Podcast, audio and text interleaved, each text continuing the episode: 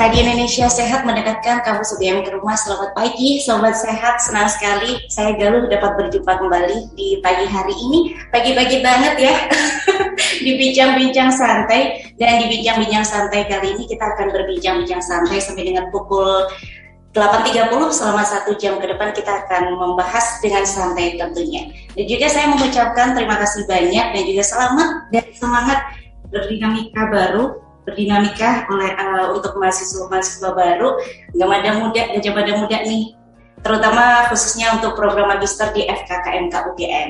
Nah, dengan kita menapaki dinamika baru pastinya perlu juga strategi-strategi yang apa nih yang kita harus lakukan biar lulus kuliahnya tepat waktu. Nah, pagi hari ini kita akan berbincang apa sih tips dan triknya biar kita lulus kuliah tepat waktu. Dan gak cuma tepat waktu aja nih sobat saya, tetapi juga kita bisa memaksimalkan apa yang kita dapatkan di dunia perkuliahan dan kita bawa untuk bekal di masa depan.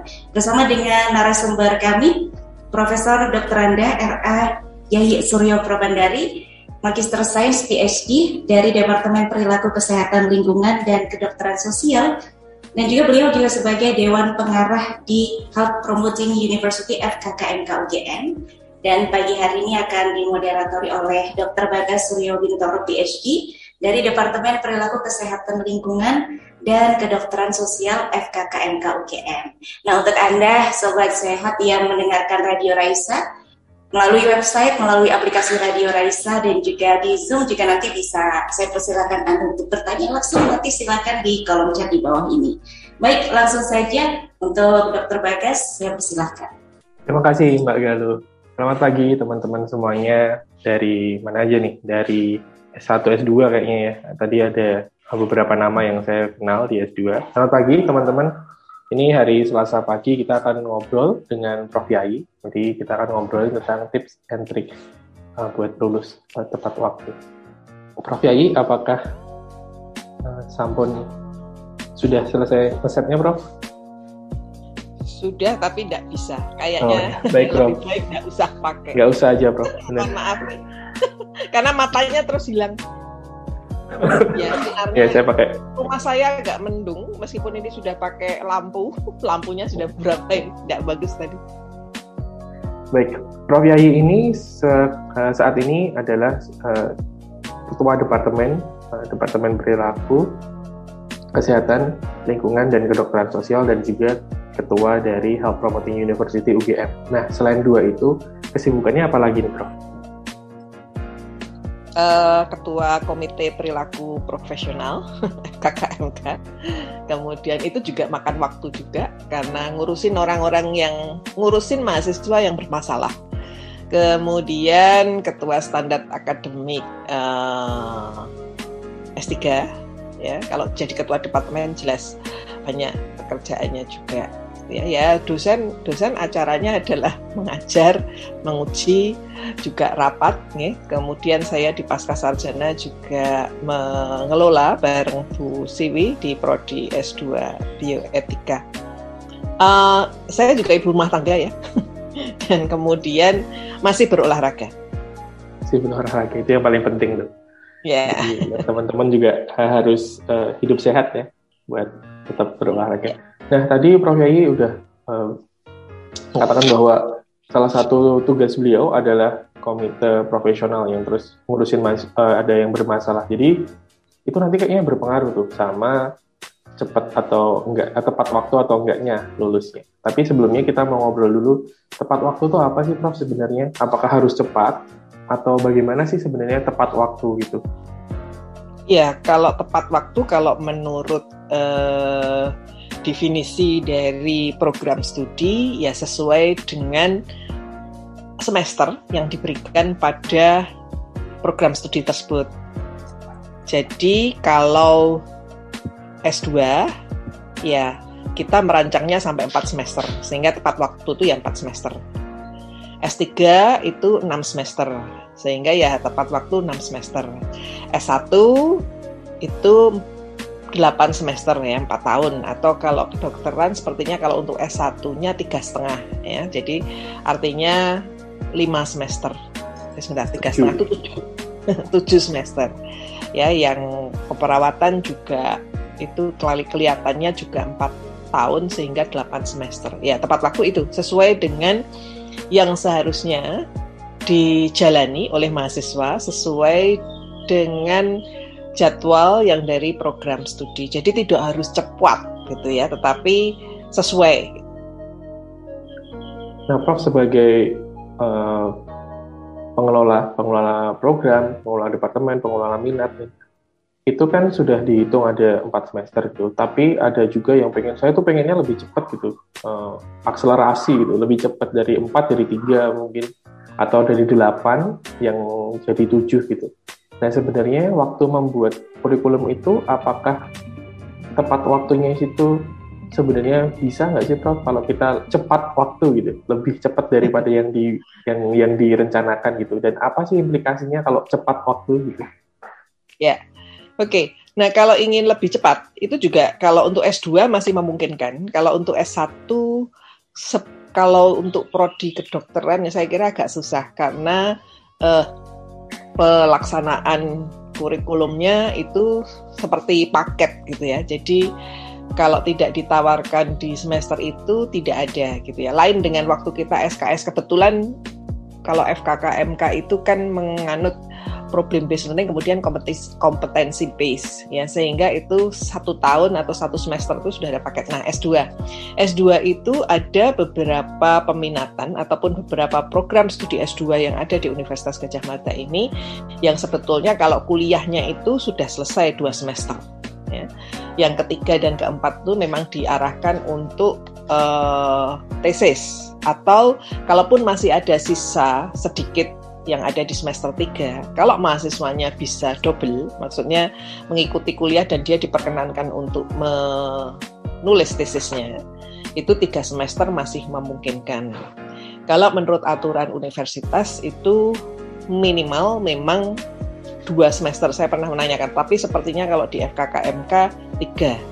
Okay, tapi kalau di luar FKKMK di pasca sarjana gitu, itu bisa uh, dua semester tapi ini tentu saja berurusan ataupun melakukan pengurusan dulu dengan pasca sarjana. Dan tentu saja cepat ini tentu saja bukan berarti pokoknya asal cepat ya tetapi juga tetap memenuhi kaidah-kaidah yang memang harus dijalankan oleh mahasiswa. Artinya dia IP-nya memenuhi requirement uh, sebelum tesis itu dia harus menjalani kuliah apa itu sudah dilakukan sehingga dia misalnya boleh double begitu ya di dalam uh, prodi IKM ada yang memang pernah menempuh tiga semester gitu ya. Jadi kebetulan dia masuknya di semester genap gitu ya sehingga semester 2-nya itu dia kan double.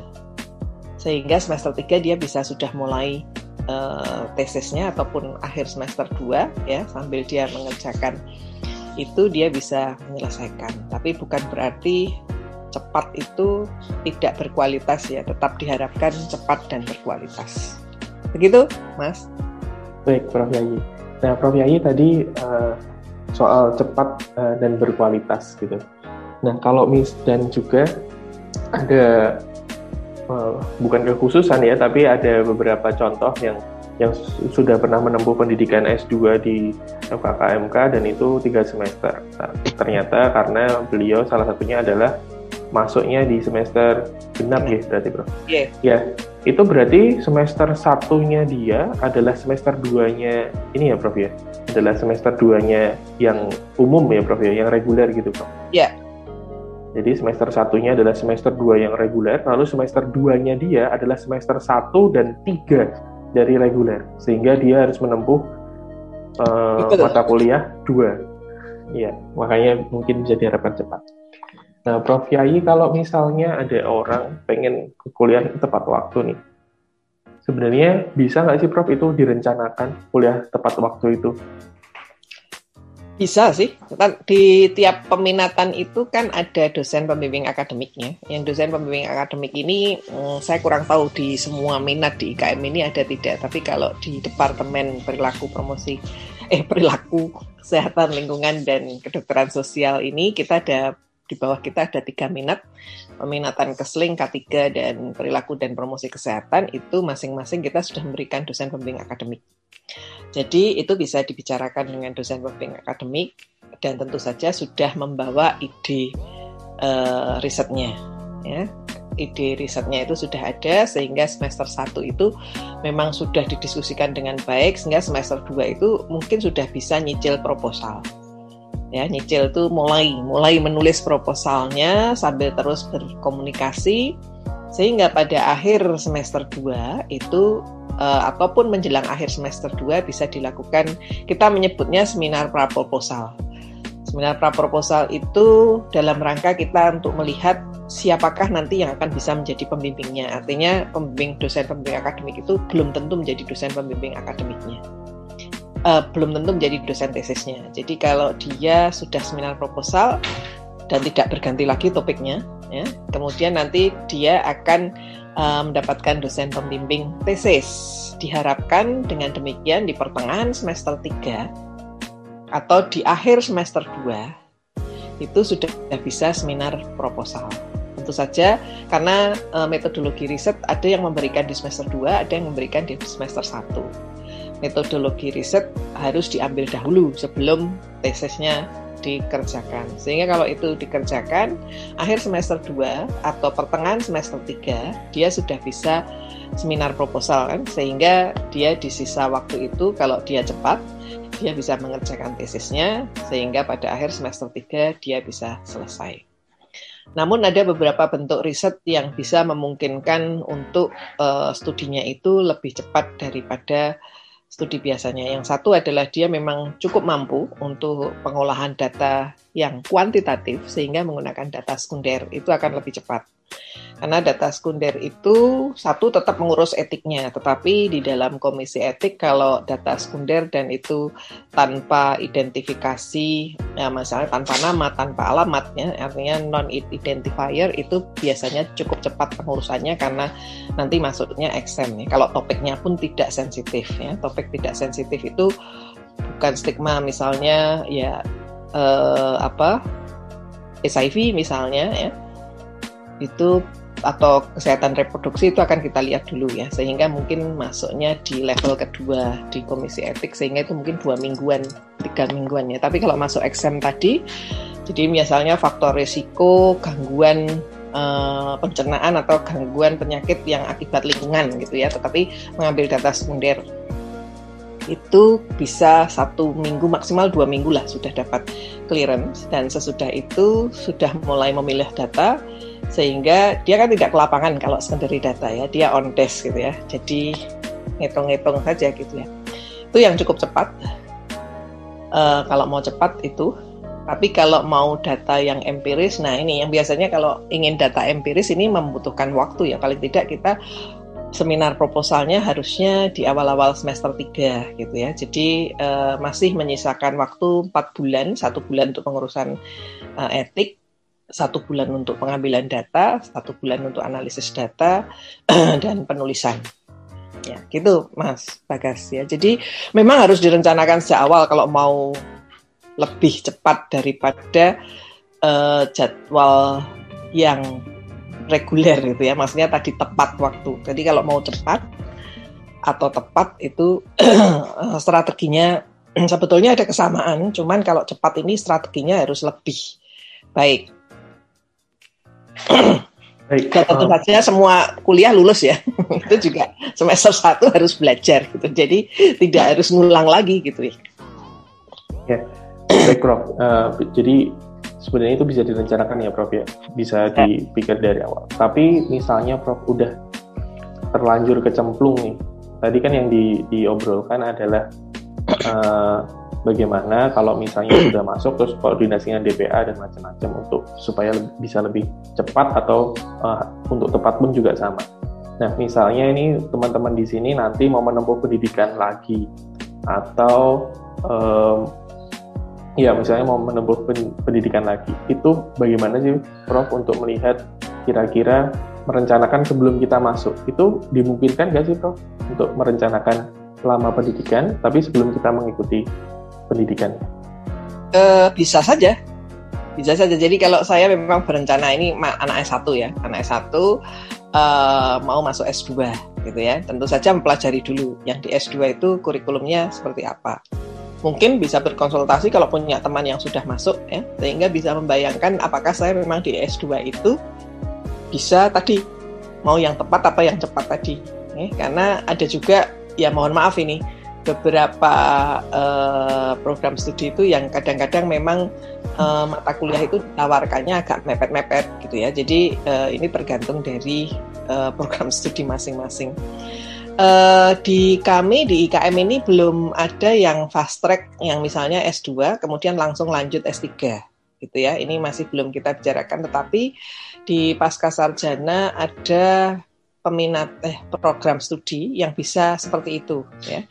Jadi uh, teknik kalau nggak salah ya. Jadi salah satu saya agak lupa program studinya, tapi dia kalau dia prestasinya bagus di semester 2 itu bisa langsung lanjut tidak jadi menulis tesis tetapi menulis uh, disertasi ya. Tapi kita di IKM masih belum masih belum ada program tersebut ya. Jadi itu memang bisa direncanakan seawal kalau kita ya artinya uh, exploring untuk mencari jurusannya itu sekalian untuk menggali bagaimana pembelajaran di sana sehingga nanti bisa direncanakan sejak awal. Nah, kalau mahasiswa S2 saat ini yang ingin S3 sebetulnya kalau sudah memilih semacam bidang ilmu ataupun bidang uh, topik ya topik kajian yang itu nanti akan ditekuni gitu ya karena S3 itu diharapkan akan menjadi keahliannya itu kalau saya sarankan tesis S2-nya itu adalah preliminary study-nya yang nanti untuk S3 gitu ya. Jadi misalnya contohnya saja ini karena topik saya adalah tentang rokok ya. Saya uh, ingin membuat sebuah intervensi pada uh, rumah tangga gitu ya. Jadi untuk tesis saya S2 saya eksplorasi mungkin dengan uh, apa namanya kualitatif atau kalau saya kurang nyaman dengan kualitatif saya survei ya. Dan hasil survei itu nanti bisa menjadi bagian awal dari disertasi saya gitu ya sehingga saya punya data bahwa oke okay, di Jogja itu yang saya eh, apa namanya yang mungkin saya bisa angkat untuk intervensi saya adalah ini karena saya sudah punya penelitiannya di S2 gitu ya. Sehingga pada saat memasuki S3 itu sudah mantep topiknya gitu ya. Dan sama sebetulnya kalau tadi yang mau S2 ya, jadi di S1 itu skripsinya apa, dan itu dilanjutkan. Tapi tentu saja beda skripsi dengan tesis itu kan tesis harus lebih mendalam ya. Tesis adalah tesa, jadi kita menguji sebuah hipotesis, menguji sebuah teori, ya, di mana itu bisa dengan kuanti maupun kuali. Ya. Jadi lebih dalam. Ya. Jadi saya ingin melanjutkan apa yang sudah saya teliti di S1, tapi lebih diperdalam. Nah, itu akan lebih memungkinkan karena kan cara mencari literaturnya sudah mempunyai pengalaman ya di S1 dulu. Seperti itu Mas Mas. Jadi sebetulnya bisa kalau mau cepet ya, mau cepet tapi ada kekurangannya. Jadi kalau seseorang kalau saya ya lihat mahasiswa yang dipromosi dan perilaku uh, itu karena kami punya pen, kajian lapangan, artinya punya pembelajaran lapangan itu mereka yang sudah pernah bekerja itu lebih cepat menangkap apa yang terjadi di lapangan gitu ya. Jadi kalau fast track S1 langsung S2 langsung S3 begitu tidak mempunyai pengalaman pekerjaan atau pernah magang itu kekurangannya adalah memahami uh, permasalahan yang ditekuni itu agak kurang gitu ya. Jadi kalau S1 S2 masih oke okay lah, tapi kalau mau ke S3 mungkin lebih baik ada jeda sedikit di mana bisa magang dulu begitu ya atau S1 ke S2 itu paling tidak satu tahun itu menyelesaikan uh, apakah itu magang apakah itu pekerja beneran begitu ya. Sehingga punya pengalaman dulu bagaimana aplikasinya itu akan lebih uh, mengikuti S2 itu seperti me, memperkuat gitu ya dan nanti dikukuhkan dengan S3 saya kira itu mas. Baik Prof Yayi. Jadi Tadi untuk uh, siang belum masuk itu masih bisa direncanakan. Tapi sekarang kan ini teman-teman lagi pada uh, eh, happy happynya ya, lagi pada anget-angetnya masuk di uh, FKKMK S1, S2. Nah kalau sudah masuk gini, Prof, biasanya pertama harus adaptasi. adaptasi yang seperti apa sih Prof yang bisa menunjang kita untuk lulus tepat waktu? Iya, terima kasih Mas Bagas. Yang pertama adalah uh, kita melihat kurikulumnya secara keseluruhan ya. Biasanya itu juga diberikan uh, introduksinya sejak awal. Kemudian sesudah itu uh, harus berkomunikasi. Baik itu ternyata kalau di IKM semua peminatan ada DPA-nya, Mas. Tapi kalau di luar IKM, di luar S2 IKM saya kurang tahu nih. Sebagian sih sudah ada. Sebagian sudah ada DPA-nya, ya. Tapi kalau di IKM sudah. Uh, kita sekarang punya dua prodi ya, prodi manajemen. Di manajemen juga sudah ada. Ya, jadi uh, kalau sudah masuk, kemudian aktif bertanya pada kalau sudah ada dosen pembimbingnya, bisa dosen pembimbingnya, tapi bisa juga kakak kelas yang sudah masuk di situ. Bagaimana strategi belajarnya? Karena perlu strategi ya. Jadi memang uh, learning strategic itu memang diperlukan karena untuk melihat kalau mata kuliah ini saya harus belajarnya bagaimana, mata kuliah ini saya belajarnya bagaimana.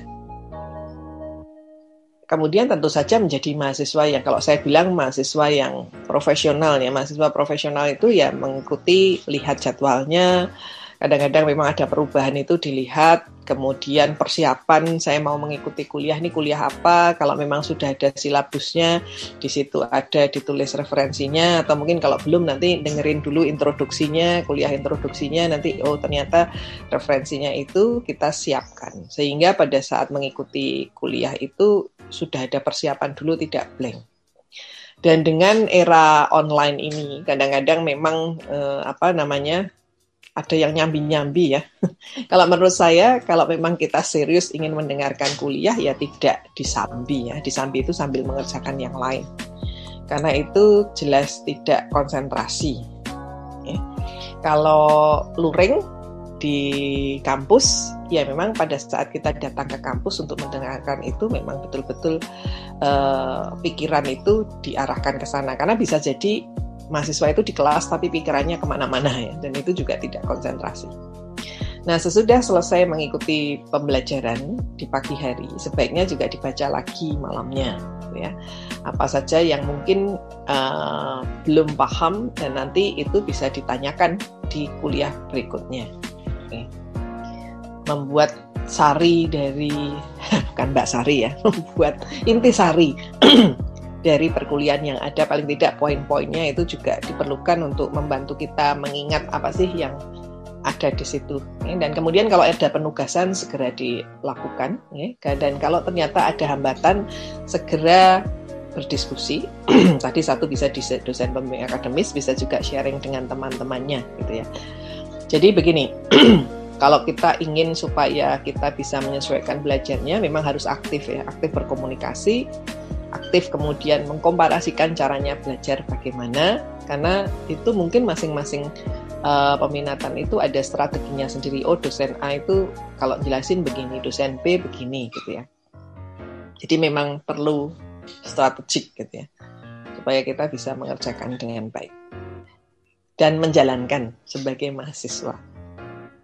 Itu, itu paling penting tuh kayaknya Prof di habis belajar, habis tahu gimana caranya terus dijalankan, nggak cuma tahu doang terus oh ya udah deh. ya, Prof tapi uh, tadi uh, ada obrolan bahwa konsul sama yang pertama awal-awal muncul adalah konsul sama DPA gitu. Bukannya DPA itu serem, Prof. Bukannya DPA itu hanya boleh kita datengin setiap ada pertemuan terjadwal. Memang kita boleh, Prof, untuk ngobrol bersama DPA dan ngobrol hal-hal yang dalam tanda kutip ringan gitu, kayak masalah adaptasi, masalah pembelajaran kita gitu, boleh, Prof? Boleh sebetulnya. Cuman itu memang tidak, kalau untuk S1 ya, saya juga heran karena itu pernah, memang pernah terjadi kalau di FKKMK, setahu saya pernah terjadi ada satu statement, tapi itu sudah bertahun-tahun yang lalu bahwa Anda boleh menghubungi DPA kalau ada permasalahan. Padahal sebetulnya tidak. Kalau DPA di S1 itu sebetulnya justru malah untuk mengembangkan diri ya. Agak berbeda fungsi DPA di S2. Kalau DPA di S2 sebetulnya lebih ditujukan pada pengembangan tesis. Meskipun juga bisa uh, kita bertanya untuk yang lain. Ya, jadi kalau di S1 itu sebetulnya lebih dan ini kalau FKKMK malah uh, rencananya DPA ini justru untuk supaya membuat mahasiswa itu lebih apa ya mengembangkan diri. Karena kita akan membuat semacam portofolio begitu. Kalau di FKKMK kebetulan saya di KPP itu KPP ditugasi KPP Komite Perilaku Profesional tadi ditugasi untuk membuat uh, satu panduan di mana di panduan itu uh, banyak uh, life skills yang diajarkan pada mahasiswa salah satunya ya leadership kemudian ada um, apa hidup sederhana karena banyak anak-anak konsumtif ya. Jadi kemudian berkomunikasi, komunikasi efektif, kemudian juga hidup sehat. Ya, itu diberikan pada ini bukunya sedang di layout tapi ini untuk S1 ya. Untuk S2 itu Tadi saya sudah bilang ditujukan memang lebih pada pengembangan tesisnya ya karena diharapkan mahasiswa S2 itu sudah lebih matang sehingga persoalan pribadi dan lebih pada strategi belajarnya itu diharapkan sudah terbentuk. Kalaupun belum itu ya bisa belajar mandiri begitu ya. Artinya tadi aktif sana kemari bertanya itu. Tetapi kalaupun mau bertanya boleh. Sebetulnya kalau menurut saya sih Ya, saya tidak pernah punya pengalaman punya DPA yang serem ya. DPA saya satu dulu di Fakultas Psikologi sangat baik kayak ibu saya gitu ya. Kemudian eh, apa namanya DPA di S2 itu kami tidak punya kalau di psikologi dulu ya, tapi langsung pembimbing tesis itu yang pembimbing tesis kebetulan pembimbing tesis saya dulu adalah pembimbing skripsi saya gitu ya. Jadi saya sudah sudah mengenal dengan baik juga ya. Jadi eh, Pembimbing S3 saya, saya sudah mengenal sebelumnya juga karena kita pernah bertemu di konferensi gitu ya. Jadi beliau kebetulan pembahas uh, paper saya pada saat konferensi sehingga saya sudah berkenalan sebelumnya gitu ya. Jadi uh, karena kalau S3 itu kan kita kalau di luar negeri kita itu kan melamar pembimbing dulu. Pembimbingnya oke, okay, kita ngurusi uh, persyaratan sehingga kita akhirnya bisa accept gitu ya sudah di apa diterima gitu ya. Jadi baru kita uh, sekolah gitu ya. Jadi ngelamar dulu kita punya pembimbing dulu gitu ya. Uh, sedikit berbeda di sini kalau di FKKMK kalau S3 memang sebetulnya diharapkan juga mulai searching pembimbing untuk itu bisa diusulkan. In case itu tidak jadi pembimbingnya bisa terjadi tetapi itu kalau sudah direncanakan sejak awal akan lebih baik gitu untuk pengusulan gitu. Karena sudah berdiskusi dahulu. Begitu Mas nih. Jadi saya kira terminologi buat DPA itu menyeramkan itu mungkin perlu dihapus gitu ya. Jangan karena DPA itu ada dasarnya sebetulnya adalah untuk membantu mahasiswa. Itu mungkin KPP ya malahan. kalau saya mendengar malah komite perilaku profesional itu yang dianggap kalau kayak di SMP SMA itu kayak BP-nya gitu ya. Padahal BP di SMP dan SMA itu sebetulnya juga ini juga keliru persepsi karena kadang-kadang mereka mengundang anak-anak yang bermasalah. Padahal BP itu pada konsepnya bimbingan penyuluhan ini adalah membuat siswa itu harusnya berhasil gitu ya. Dan justru akan mengembangkan apa namanya prestasinya gitu ya. Sama dengan DPA di S1 ini kita pengen mengubah image mereka hanya sekedar nanda tangan untuk KRS enggak. Tapi ini justru akan membuat mereka satu menyesuaikan belajarnya dan kemudian uh, kalau dokter itu nantinya itu mungkin bisa juga berdiskusi mengenai masa depannya. Aku tuh pengen jadi apa gitu ya. Jadi S2 ini kita tidak ke sana sebenarnya fungsinya agak sedikit berbeda ya. Jadi tapi bisa dan kemudian mungkin saya umumkan saja ya di Fakultas Kedokteran Kesehatan Masyarakat dan Keperawatan itu kita punya dua psikolog yang di hire full time dan menurut saya sementara ini memang banyak mengurusi anak mahasiswa S1 ya. Tapi menurut saya tidak masalah asal itu mendaftar ya. Uh, memanfaatkan uh, mereka untuk misalnya bagaimana cara belajar yang baik gitu ya. Cara yang belajar yang baik bagaimana menyesuaikan diri gitu ya sehingga nanti bisa uh, ngobrol. Karena psikolog itu sebetulnya tidak hanya untuk mengurusi bermasalah ya. Justru juga menggali potensi apa yang ada gitu ya sehingga itu bisa didiskusikan gitu ya. Karena fungsinya kami pengen sebenarnya fungsinya itu memang ada dua hal ya. Satu memang mengatasi masalah yang mungkin terjadi. Yang kedua adalah kalau ada mahasiswa ingin mengembangkan diri mereka akan membantu bagaimana menggali potensi diri. Gitu mas Baik, terima kasih Prof. Yai. Tadi uh, sudah sangat menarik ya ini obrolannya. Jadi kalau udah mau udah ke, terlanjur, nggak terlanjur juga kan, karena ini memang disengaja ya. Jadi bapak dan ibu masuk sini kan bukan karena eh mau daftar, eh keterima gitu, enggak lah, sudah direncanakan. Jadi kalau sudah masuk, nanti ada beberapa support system juga, ada DPA, lalu ada psikolog juga yang bisa membantu untuk adaptasi. Tapi nanti bagaimana sih untuk di di kesehariannya, lalu bagaimana supaya sekolah ini nggak cuma dapat ilmunya saja, tapi benar-benar kita bisa mengembangkan diri sampai to the fullest gitu. Jadi yang paling optimal dari apa yang kita punya. Iya. Nah, Prof, tadi ini nyambung buat ini ya tadi Prof eh, yang awal-awal tadi kan sudah berhasil adaptasi nih. Nah, sudah berhasil adaptasi, kayaknya kuliah udah oke. Okay.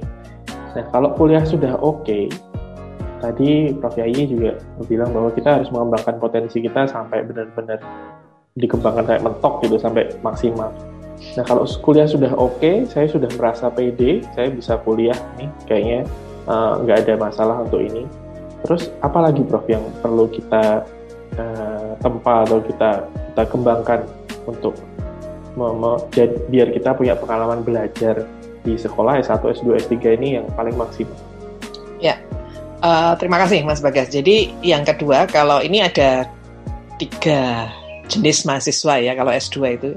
Mahasiswa yang betul-betul fresh, yang memang pekerjaannya masih mahasiswa doang gitu ya.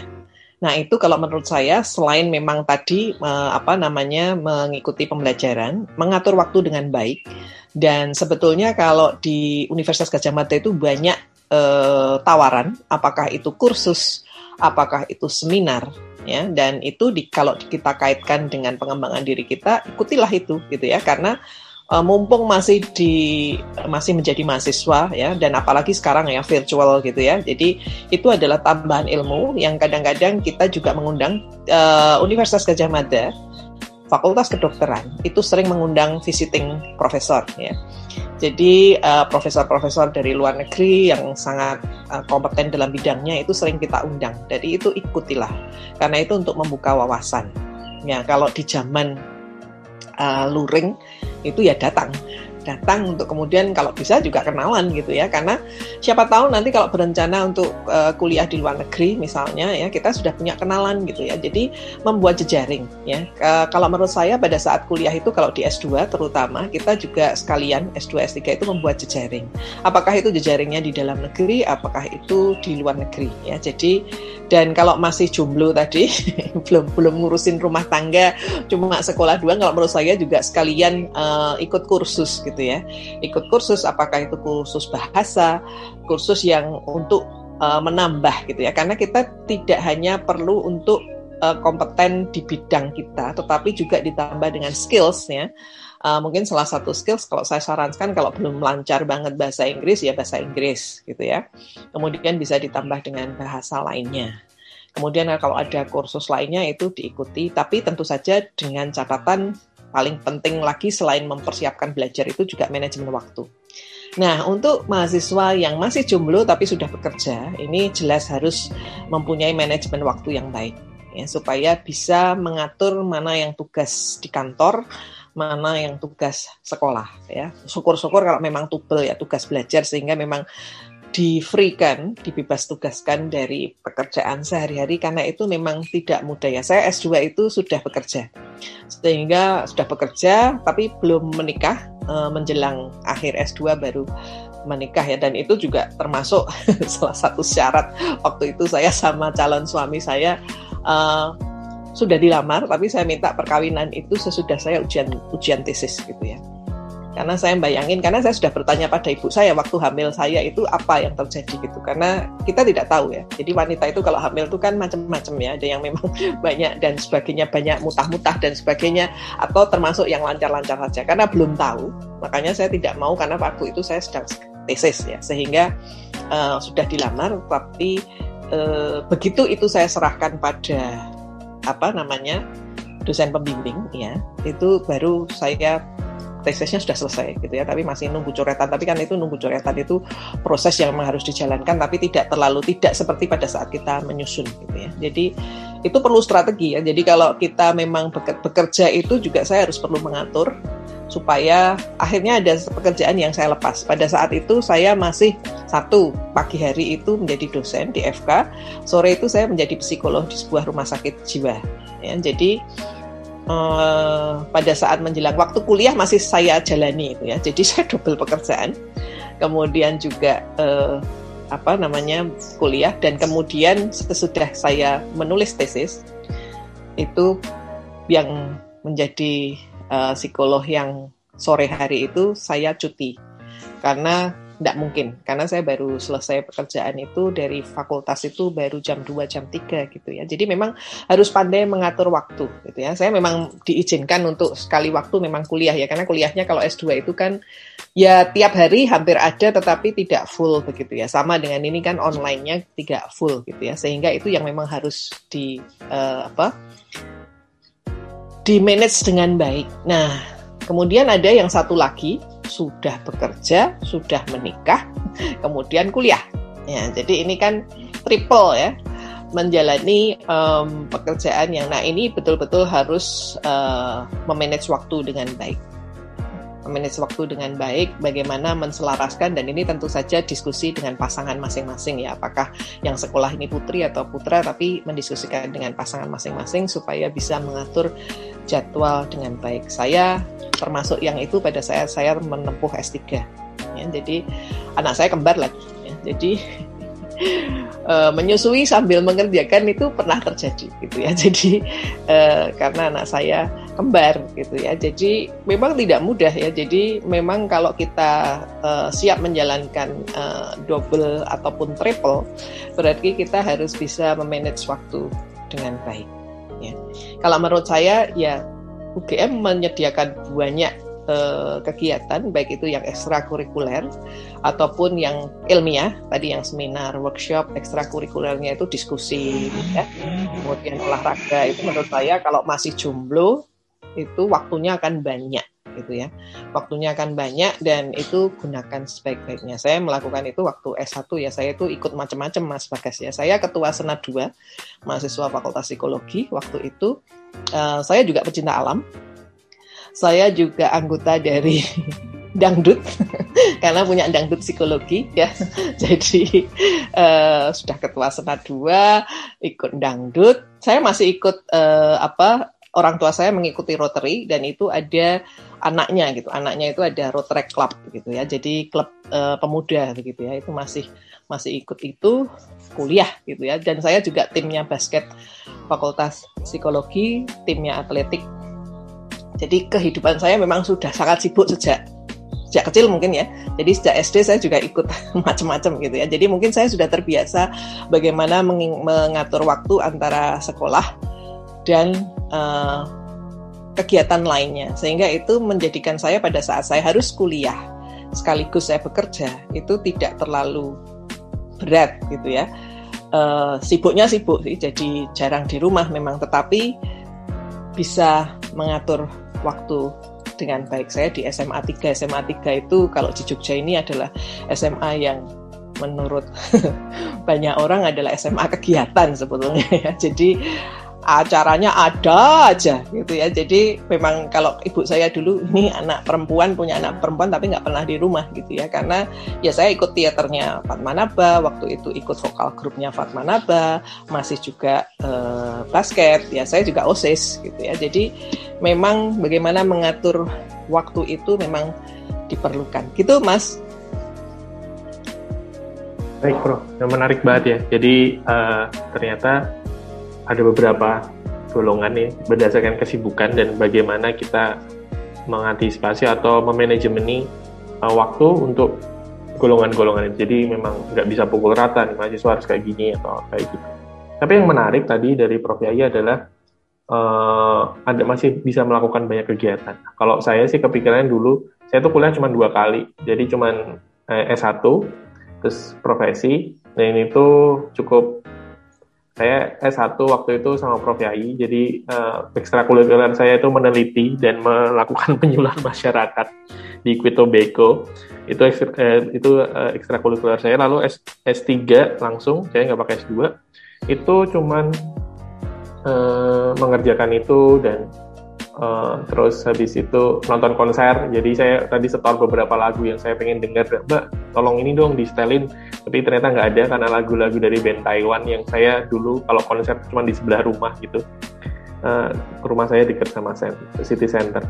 Nah kenapa saya masih melakukan itu? Karena saya waktu itu butuh work life balance. Walaupun itu bukan work tapi uh, kami belajar sekolah. Tapi prof saya bilang bahwa sekolah saat ini ini ya hidupmu itu ya sekarang jadi uh, ini adalah bagian dari hidupmu dan kamu bisa menganggap itu bekerja karena kan sekolah sebenarnya sangat berat ya itu tuh kan juga bekerja full time apalagi uh, teman-teman yang full time dan saya diingatkan untuk work life balance. Nah, Prof, kalau work life balance ini sepenting apa sih Prof untuk uh, perkuliahan ini? Apakah ini dosa kalau saya melakukan kegiatan-kegiatan fun gitu? Atau ini memang harus dilakukan karena ya masa belajar terus gitu? Gimana Prof kira-kira? Yang kedua ya harus harus dilakukan. Work life balance itu penting sangat penting untuk uh, menjaga mentalitas kita. Karena kita perlu kayak kayak HP itu perlu di charge ya. Jadi hidup kita itu perlu di charge juga ya. Jadi kenapa saya mengikuti banyak kegiatan sejak kecil karena itu fun sebetulnya fun. Yang kedua adalah membuat saya mempunyai pengalaman untuk berkoordinasi, komunikasi, manage waktu ya. Jadi menata laksana waktu. Nah, kuncinya kalau work life balance itu memang kita perlu untuk mengatur waktu dengan baik cobalah untuk mengidentifikasi saya tuh 24 jam itu ngapain sih. Nanti Anda akan juga heran sendiri lima jam cuma pegang HP gitu misalnya ya kalau sekarang ya. Kalau dulu saya kan tidak terlalu didistraksi hmm. oleh handphone ya karena zaman saya kuliah S1 S2 uh, itu S3 sudah ada handphone tetapi kan belum smart ya handphonenya masih bodoh gitu ya. Jadi tapi itu justru menurut saya justru membantu saya untuk tidak distract dengan yang lain gitu ya. Jadi nah sekarang ini kan uh, untuk mahasiswa-mahasiswa itu memasuki masa milenial di mana gangguannya itu cukup banyak ya. Sehingga itu memang perlu di disiplin. Yang satu adalah identifikasi waktunya itu saya ngapain saja, sehingga kita bisa bagi waktu dalam seminggu. Sesudah saya belajar, saya akan melakukan hobi. Melakukan hobi itu saya sarankan sangat penting, ya, apa pun hobinya. Oke, kalau hobinya belajar bu, oh bagus, ada juga ya. ya siapa tahu ada gitu ya. Saya karena teman saya seapartemen itu eh, kebetulan kalau ini S3 ya, itu orang Vietnam itu anaknya itu hobinya menurut saya belajar. Anak SMA tapi kalau belajar ikut mahasiswa S3, ikut kami ke kampus. Bukunya kalkulus tebal banget gitu ya. Tapi anak itu kemudian tertarik waktu saya uh, ngedance saya boleh belajar dansa? Enggak boleh. Saya bilang gitu. Wow kaku elek banget. Tapi ya sudah. Tapi dia bisa. Termasuk uh, dia bilang tanya pada saya kalau saya belajar musik aku akan bagus juga. Jadi dia belajar gitar belajar piano akhirnya. Ya menurut saya supaya otak kirinya itu juga jalan gitu ya. Jadi uh, work life balance atau study life balance itu sangat perlu ya jadi makanya tadi saya bilang bahwa ikuti kegiatan yang mungkin satu ada yang fun satu memang ada keilmiahan jadi seminar workshop training begitu tapi nanti kalau ada misalnya acara kita itu suka nyanyi-nyanyi ada line dance ada yang lain itu ikut aja gitu ya tergantung mungkin juga ada klub uh, bersepeda gitu, Gowes Club gitu ya. Itu ikut. Jadi sekalian olahraga, sekalian fun. Tapi tentu saja kita melihat uh, waktu kita.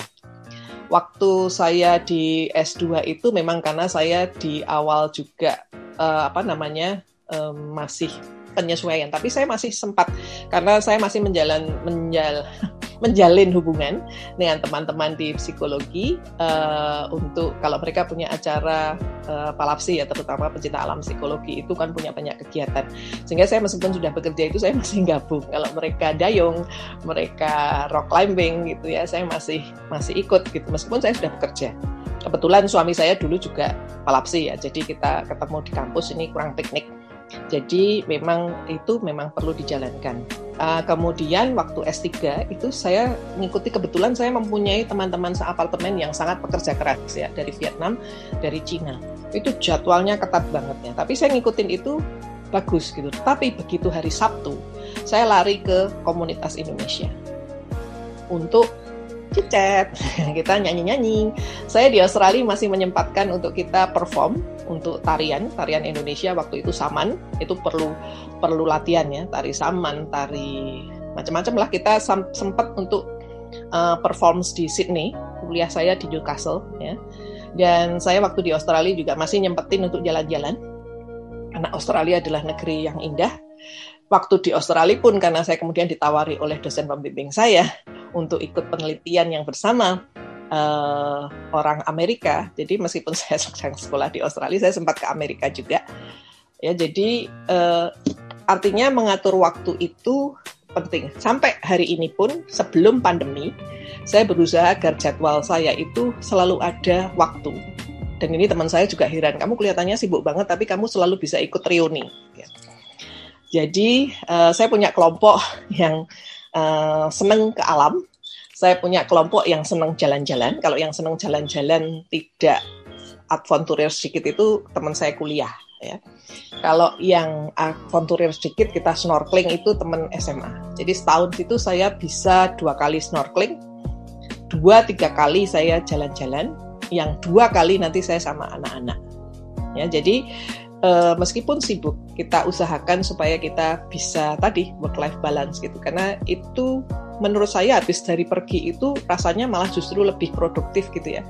Karena habis melihat laut, habis uh, berenang sama ikan ya sama ubur-ubur tapi ubur-ubur yang Cina gitu itu di Kalimantan itu ya jadi itu pulang itu lebih merasa enak ya jadi kuncinya sebetulnya manajemen waktu manajemen waktu supaya kita bisa sesudah hard ya jadi saya study hard tapi juga play hard waktu di Australia ya Senin sampai Jumat itu benar-benar dari jam 8 sampai jam 12 malam pulang itu untuk mandi, olahraga juga, jangan lupa olahraga. Jadi saya pulang dari kampus itu jam 5 langsung olahraga, jalan. Kebetulan saya tidak bawa keluarga waktu di Australia. Jadi saya tiga bulan di Australia, dua bulan pulang begitu ya, pulang pergi. Ya, kebetulan ibu waktu itu sudah sakit gitu, jadi saya harus mengatur waktu dengan baik.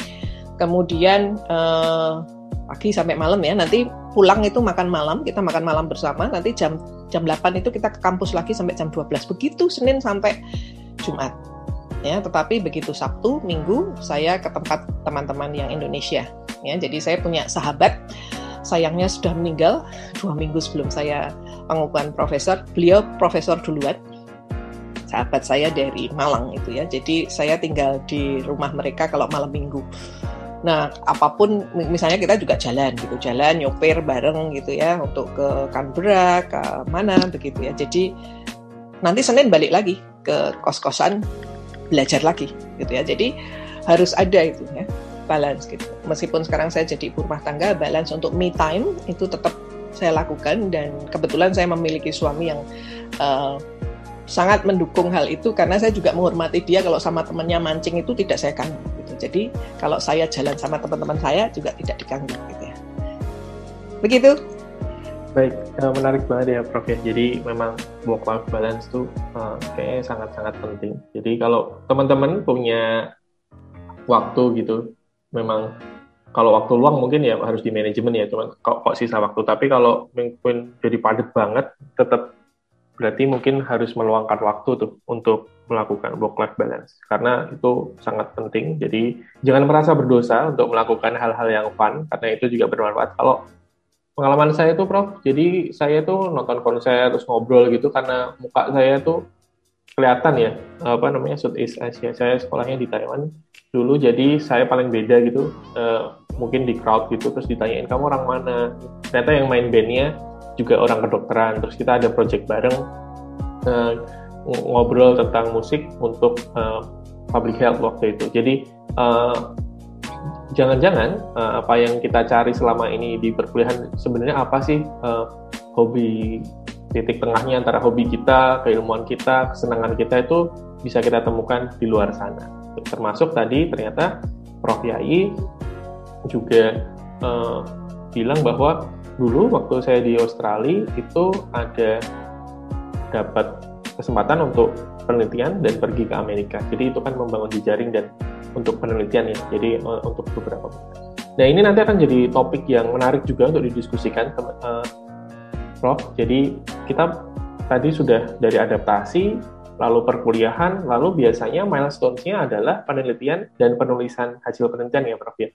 Nah ini tapi waktunya udah mepet banget, jadi nanti mungkin kalau teman-teman mau tahu lebih lanjut, nanti bisa terus pantengin Raisa. Jadi kita nanti merencanakan untuk ngobrolin bagaimana sih penelitian itu dilakukan dengan belajar dulu. Jadi kayak saya dulu mungkin magang dulu penelitian itu bagaimana cara menghubungi dosennya, bagaimana cara ngobrolnya, bagaimana bersikap atau bagaimana menempatkan diri kalau kita ikut lagi ikut penelitian dan bagaimana kita menggunakan kemampuan-kemampuan itu untuk menunjang penelitian kita. Boleh ya Prof besok ngobrolin itu ya Prof? Boleh. Boleh. Ya, jadi gitu teman-teman uh, obrolannya. Jadi kalau Prof Yayi mau memberikan closing statement nih Prof untuk uh, lulus tepat waktu. Nah, gimana nih Prof closing statement? Ya, mungkin saya summary-kan tadi ya. Jadi satu adalah kita mempelajari apa yang ada di prodi yang kita masuki, artinya mempelajari kurikulum dan sebagainya.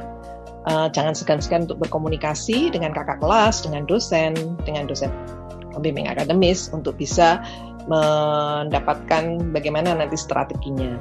Kalau ada kesulitan belajar, nah bicarakan dengan dosen pembimbing akademis ataupun uh, tadi sudah saya tawarkan di Fakultas Kedokteran Kesehatan Masyarakat dan Keperawatan ini kalau Anda di sini itu kita mempunyai uh, dua psikolog. Tetapi kalau Anda bukan berasal dari prodi ini uh, unit konseling psikologi itu juga ada di Fakultas Psikologi. Okay? Jadi saya mungkin juga mengingatkan bahwa psikolog itu tidak hanya untuk yang bermasalah. Ya. Psikolog itu juga untuk membantu mengembangkan diri, mengembangkan potensi, mungkin juga membantu kalau misalnya bagaimana sih manajemen waktu dengan baik. Saya itu strategi belajarnya bagaimana itu juga bisa dikonsultasikan. Yang berikutnya adalah memang penting untuk work life balance, tetapi kuncinya adalah manajemen waktu. Okay? Dan sehingga siapa pun Anda bentuk apa jenis yang mana tadi mahasiswanya, jenis mahasiswa yang sebetulnya masih mempunyai banyak waktu, yang saya kadang-kadang iri itu bisa S2 tapi belum bekerja gitu ya, itu harusnya menggali potensi yang banyak. Ya, jadi karena Yogyakarta waktu itu saya selalu mendorong mahasiswa S2 yang berada di Jogja ya waktu itu masih luring untuk Yogyakarta itu punya kursus banyak, kursus bahasa atau kalian mau mengikuti semua kegiatan banyak kegiatan yang ada di UGM ya, tidak hanya di Fakultas Kedokteran, tidak hanya di Pasca Sarjana tapi di UGM. Ya, sehingga itu akan memungkinkan kita untuk menggali apakah itu potensi untuk uh, life skills ya, jadi komunikasi, uh, kerjasama, tim gitu ya, kemudian kepemimpinan ya untuk mengikuti organisasi. Tapi tentu saja kuncinya adalah manajemen waktu dengan baik. Dan kalau Anda sudah berkeluarga, selain manajemen waktu dengan baik, berkomunikasi dengan pasangan, kalau Anda sudah berkeluarga dan bekerja, komunikasi dengan bos, ya, bagaimana mengatur waktu dengan baik. Ya, saya kira itu. Terima kasih. Baik, terima kasih sekali Prof atas obrolannya pagi ini. Ini banyak banget juga yang ikut. Jadi ini tadi tembus 50-an, sekarang masih 51. Jadi terima kasih teman-teman juga udah mau um, berpartisipasi dalam obrolan ini. Uh, saya mohon maaf kalau ada salah-salah kata dalam jadi moderator nih dalam membawakan obrolan ini. Terima kasih. Saya kembalikan ke Mbak Galuh. Terima kasih banyak kepada Dokter Bagas dan juga terima kasih Prof. Yai atas ilmu-ilmunya. Sangat banyak sekali yang bisa kita tarik ya uh, sobat saya ternyata juga kita tidak hanya berkuliah untuk mengejar nilai dan tepat waktu saja tetapi juga harus PR kita memaksimalkan potensi apalagi fasilitas yang kita dapatkan sangat-sangat banyak ya. Dan juga tetap menghidupi hobi yang selama ini mungkin kita tinggalkan karena fokus kerja fokus kuliah gitu. Ternyata itu membuat kita bahagia dan lebih produktif juga. Baik saya ucapkan terima kasih banyak sekali lagi untuk Profesor Dr. Anda R.A. Yai Suryo Prabandari Magister Sains PhD terima kasih banyak Prof sehat selalu ya sama-sama Mbak sehat selalu juga Ya, terima kasih juga untuk Dr. Bagas Rio Bintoro PhD sudah berkenan untuk menjadi moderator di pagi hari ini. Sehat-sehat Pak. Terima kasih. Sehat-sehat. Baik untuk Sobat Sehat Raisa, topik-topik Uh, menarik juga Anda bisa Anda dapatkan di Raisa Radio UGM. Pantengin terus pokoknya bincang-bincang santai karena topiknya menarik-menarik semua dan topiknya terkait apa aja bisa Anda dapatkan di at Raisa Radio UGM. Jangan lupa di follow Instagramnya. Baik, saya Nigalu beserta kru yang bertugas pamit undur diri. Mohon maaf apabila ada kesalahan kata. Saya pamit. Wassalamualaikum warahmatullahi wabarakatuh.